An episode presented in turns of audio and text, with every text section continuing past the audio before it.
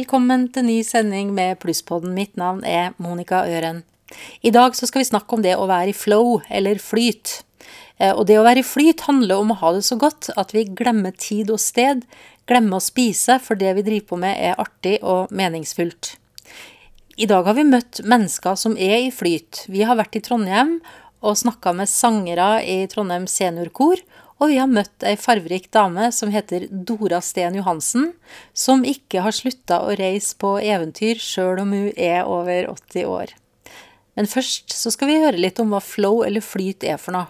Vi har snakka med forfatter Nina Hansen, som er i ferd med å gi ut eh, bok nummer to om tema flow. Ja, hva er flow, Nina? Jo, flow er det beste jeg vet. Det er når tiden står stille, og du er fullt og helt til stede i situasjonen sammen med andre eller alene. Kan du kalle det flyt? Ja, du kan kalle det flyt, men forskningsmiljøet bruker å kalle det flow, eller godfotteorien. For Nils Arne Eggen har jo snakka om godfotteorien i Rosenborg. Og han ble jo inspirert av Mikhail Csikszentmihalyi, som kom opp med flow-teorien. Du har ikke skrevet den boka alene, har du det? Nei, Jeg har skrevet den boka sammen med Frans Ørsted Andersen, som er en dansk psykolog. Veldig flink sådan. Hva som kjennetegner et menneske som går i flow? Ja, Da eh, forsvinner du litt eh, fra tid og sted. Du glemmer litt hvor du er hen, og hva du driver på med, egentlig. Du er bare fullt og helt til stede. Og du kommer ut og er en gladere person. Men er det bare å gå ut og ha det artig, eller er det noe mer? Nei, altså det er ikke bare om å ha det artig, det handler jo også om å bruke kompetansen din, og det skal være en utfordring som gir litt mening. Men det er jo klart, hvis du liker veldig godt musikk f.eks., så kan du jo sette på favorittmusikken din og danse. Så kommer du kanskje i flow. Hva med alle som sliter med å komme i gang etter vanskelige overganger? Altså type skilsmisse, eller at man blir pensjonist, eller at man mister en samboer, eller ja, altså Ingen går jo gjennom livet uten å oppleve det du nevnte der. Og bruke det til å få en personlig utvikling. da, At man kanskje har lært noe som man kan ta med videre i livet. Og gjøre det som gir deg glede. da. Men enkelte kan jo slite med å få til det her. Er det motivasjon eller disiplin du trenger? Jeg vil jo si at det er begge deler, for du må jo på en måte kjenne litt hvordan du kommer dit. Og da trenger du disiplin for å rett og slett eh, vende noe som er vondt, til noe som er bra. Og så trenger du også kanskje motivasjon fra gode venner eller familie eller andre du liker å være med. Jeg får jo ofte flow når jeg er sammen med folk eh, som jeg liker, da. Og vi har møtt eh, Dora Sten Johansen i Trondheim. Det er lite som hindrer Dora fra å være i flow eller i flyt. Jeg har vel vært nysgjerrig hele livet. Jeg tror jeg har lett for å bli engasjert òg. Jeg er jo et ganske vanlig menneske som bor i en deilig by, Trondheim, da. Du har en uh, spesiell interesse for buskmennene. Altså, noen kaller det sandfolk, og man har forskjellige grupperinger som har forskjellige navn. Men jeg har snakket med buskmennene selv, og de sier det til meg at jeg skal bare bruke det navnet, for de skjønner det at jeg ikke mener noe negativt med det. Og da er det buskmennene i Afrika som uh, du tenker på? Ja. Buskmennene i Afrika er de eneste buskmennene, for å si det sånn, da. Ok. Eh, enn de mm, som bor i Australia, da? Ja, de er jo vandret ut fra Afrika. Så, så de er jo en, en utvandrer og en innvandrer. Hva er det med buskmennenes situasjon som gjør at du blir så engasjert? Ja, for det første så er de jo født der de er. Og hvis de skulle bli en flyktning, så ville de dø. Naturen rundt de er livet for de, rett og slett. Er de engstelige nå? De er dypt deprimert. Sandfolket, eller buskmenn som Dora kaller dem, lever i Kalahari-ørkenen. Arkeologiske funn tyder på at de har bodd i det sørlige Afrika i minst 22 000 år, og da er de altså regna som urfolk. I dag så finnes det mellom 77 000 og 100 000 sandfolk. De er jegere og samlere, de fleste av dem. Eh, de er bofast og driver med jordbruk, men det er fremdeles en del nomader blant sandfolket. Rundt år 1000 så førte innvandring av bantufolket til at sandfolket enten ble drept eller tvunget til integrering i bantufolkets samfunn. Og det har vært et stridsemne gjennom hele 1900-tallet, med en klar forverring av konflikten fra 1990 og utover. For snart to år siden, i juni, så dro jeg alene nedover til eh, Namibia og Botswana. Du, du, hvor gammel er du? 80. Og så reiste du helt alene til Afrika? Ja. Det har jeg gjort mange ganger. Åssen du kom deg inn i den skogen der den var, da? Nei, altså jeg leide jo bil da, som kunne kjøre i eh, sand. Og en sjåfør. Og så sa jeg til han at nå er du mitt, mitt barnebarn, og jeg er din eh, bestemor. Han var med hele tiden, og det var et veldig godt valg.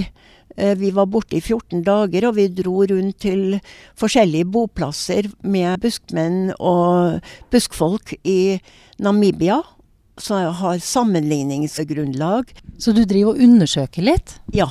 Du kan ikke bare tro, du må vite. Hva gjør du med all den kunnskapen nå? Nei, altså, jeg har prøvd å få tak i noen som er litt flink på data. Er det vanskelig?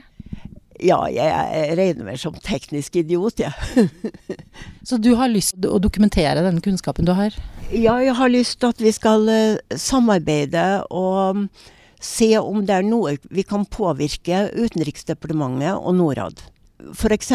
Botswana har jo blitt rik på buskfolk. De ble gitt en svær park inne i Botswana. Og sandfolket fikk en svær park til disposisjon av engelskmennene, men bantufolket, som ifølge Dora styrer de fleste land i Afrika, tok over parken, og det gikk til slutt rettens vei. Og Høyesterett ga buskfolket eh, medhold. Ble det ankesak, eller? Nei, eh, bantuene tok det allikevel. Og så tvangsflyttet de alle som lå innom parken, fra Xandu til ny Xandu. Og der har jeg vært. Og snakket med ca. 2000 mennesker som bor der, som er nesten en slags forbudt by. Det er nesten som man skulle tro man var i Kina, altså. Men der gikk jeg rundt og fikk litt greie på hvordan det var å leve. Barna er jo lykkelige, for de har ikke den kunnskapen om hva som har skjedd. Etter at jeg hadde fått en del erfaring i hva folk tenkte, og hvordan de levet, så gikk jeg rett inn i løvens hule. og det var skolen. For der er det selvfølgelig bantu-lærere. Når jeg kom inn der og stilte forskjellige spørsmål og spurte om jeg kunne få gjøre det, så kunne de ikke svare på et eneste spørsmål. Det var bare snakk med government, government, government, government. Og mens jeg satt der, så ringte de en representant fra det offentlige, og så ble jeg tatt inn til avhør. Hvordan gikk det? Jeg var forberedt på det. Og så spurte de hva jeg het, hvor jeg bodde. Når det var ferdig, så spurte jeg til passet, for å se om jeg løy. hva praktisk er det som skjer rundt bustfolket akkurat nå? De blir utryddet. Sakte, men sikkert. De får ikke tilgang på sin kultur, og ikke på sitt språk. Og vi vet, vi vet jo selv, med samisk, hva det betyr. Men iallfall, etter at jeg tok passet mitt, så spurte de hva slags interesse jeg hadde, og hvilke foreninger jeg sto i. Og hva hadde befolkningen fortalt meg? Og jeg svarte jo rett på alt, unntatt det siste, for da løy jeg jo sånn at eh, For det er klart at ellers ville jo befolkningen ha fått reprimander. Var, var du redd? Nei. Sjåføren min var bantu. Så jeg var godt forberedt. Eh, hvordan jobber du praktisk i Norge nå da, for å få måte oppmerksomhet rundt buskmennene? Det er vanskelig når du ikke er noe ekspert på data. Jeg når liksom ikke ut til noen, og jeg, jeg, jeg vet ikke riktig hvordan jeg skal gripe det an. Det er jo en fin anledning til å stille spørsmålet her da, til folk som lytter, om de har lyst til å hjelpe deg, om det er noen som er flink på data. Hadde det vært fint? Og det hadde vært supert. Du har sagt tidligere når jeg snakka med deg at det var viktig å se sammenheng mellom fortid og nåtid for å forstå framtida. Er du bekymra? Ja, jeg er veldig bekymret. Du må legge sammen hvordan forholdene er over hele jorden for å kunne få en sammenligningsmulighet. Så du er et menneske som prøver å se sammenhenger? Ja, absolutt. Det er veldig viktig å se sammenhenger. Ellers så kan det gjøre vondt verre. Og det er også skjedd med buskfolket, for å komme tilbake til det. Fordi at man har en morsomhet som sier at av samlere på 20 og jegere på 10, så er det 50 sosialantropologer. Og jeg mener at de sitter inne med utrolig mye kunnskap. Og det er det som vi ikke forstår. At vi, vi fratar verden eh, kanskje noe av den fineste kunnskapen vi kan ha. For sankere og jegere var folk som levet bra. De hadde et stort mangfold i, i, matfatet sitt. Gruppene var ikke krigers mot hverandre, men når de trengte hjelp, så snakket de sammen. Og de har ingen leder. Alle er med på å bestemme viktige ting for fremtiden deres. Du har veldig sterke verdier. Eh, så hva skjer med deg når noen rokker ved verdiene dine? Jeg har temperament. Da ble blir jeg med en gang Eh, engasjert i, at de har ikke noe argumentasjon på det. De bare kaster ut ting uten å argumentere. Uh, for hvis jeg har et godt argument, jeg, så kan jeg godt skifte mening, og det gjør mennesker gjennom et liv. Og det, uh, det er viktig at vi kan ta inn over oss. Har du barn, Nora? Ja, jeg har en datter og to barnebarn, og et oldebarn. Er de engstelige innimellom? Jeg tror ikke det. Nei, de, de, de stoler på meg, altså. For jeg vil ikke ta noen sjanser. Jeg tror menn er litt mer glad i å ta sjanser enn damer. Men du er 80 år, Dora. Du drar på todagerstur på Dovrefjell. Du reiser på rideturer til Gran Canaria. Du padler. Du sykler. Har du alltid vært fysisk aktiv? Jeg er jo norsk, hvorfor skal ikke jeg gå til Galdhøpiggen? Og året etter så fant jeg ut at jeg skulle gå til uh, Snøhetta, for det er jo nasjonalfjellet vårt. Stettin er jo det vakreste fjellet, men nasjonalfjellet, det er Snøhetta. Du var 75 år og gikk opp Snøhetta? Ja, jeg var vel 76 da. Jeg kjøpte meg en Jerven-pose, for jeg orker ikke å sette opp noe telt. Så du lå under åpen himmel på fjellet? Ja. Nei, for jeg, telt blir for teknisk for meg. Hva hvis det hadde begynt å regne, da? Hadde du sikra deg da, eller? Jeg hadde, uh, neste år da, så gikk jeg fra Hjerkinn og til, uh, til Oppdal. Da brukte jeg fem og en halv dag da. Første morgen jeg våknet, da styrtregnet det. Jeg begynte å styrtregne klokken syv. Og tenkte jeg ja ja, ble jeg liggende her i dag. Inni posen min. For den er vannavstøtende og så er den fòret slik at du ikke fryser. Men klokken ti så var det akkurat som å skru av en bryter, og så kom solen opp, og så var det bare å slenge på seg klær og få litt mat i, og så begynne å gå. Trener du daglig? Ja.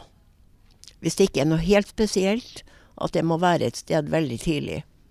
Hva er det du trener da? Styrke, smidighet og balanse. På stuegulvet? Ja. I gangen helst. Jeg både går, sykler, padler, svømmer, går på ski. Og nå har du nylig vært og ridd litt? Ja, jeg har faktisk det. Det var faktisk den høyeste hesten.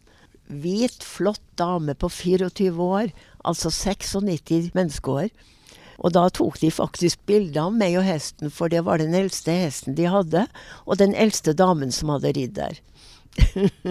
det passer bra, det. Um, du, hva er de største gledene i livet ditt?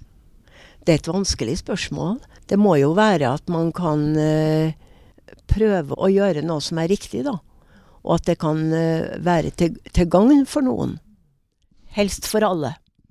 Men det du mangler nå, Dora, da, det er jo hjelp til å få dokumentert uh, historien din på data. Ja, jeg vil jo bli veldig glad hvis det er noen som vil hjelpe meg med arbeidet med hensyn til Norad og Utenriksdepartementet, altså. Så hvis det er noen datakyndige mennesker som kan hjelpe Dora å skrive ned hennes historie, så ønsker vi at du tar kontakt med oss på Plusspodden, så vi kan formidle det her videre. Du kan ringe Plusspodden enten til Tor Øystein på telefonnummer 91 85 36 36, eller Monica på telefonnummer 94 14 42 75. Og de telefonnumrene her de finner du også på tekst. Dora er i flyt, og det virker som om hun utnytter livet til fulle. Men vi har vært og besøkt flere som er i flyt. Vi har besøkt glade sangere i Trondheim seniorkor. Vi har vært på Kos og på Kreta, spist både brødsprøyt og feta. Navnet mitt er Torstein Vanebo. Jeg har jo drevet med musikk og sang eh, hele livet, egentlig. Så det å slutte meg til Trondheim seniorkor, det var jo naturlig når jeg ble gammel nok, da. Hva er det du har gjort eh, tidligere, da? Nei, Jeg har starta som guttunge i guttemusikken. Den gangen var det ikke lov for jenter å være med. Og så har jeg holdt på med forskjellige former av musikk frem til for en 30 år siden. Og fra da så har det vært korsang for meg. da. Torstein Øren, du har holdt på med musikk hele livet du òg, eller? Ja da, begynte i 46. Spilte fiolin, og så ble det klarinett, og så ble det saksofon. Torstein forteller samtidig at han spilte saksofon i storband i noen år. Og han begynte faktisk å spille instrument eh, allerede under krigen. Men hvem er du, da? Jeg heter Rigmor Sæterhaug. Jeg hørte Trondheim seniorkor første gangen på Eldres dag i Trondheim.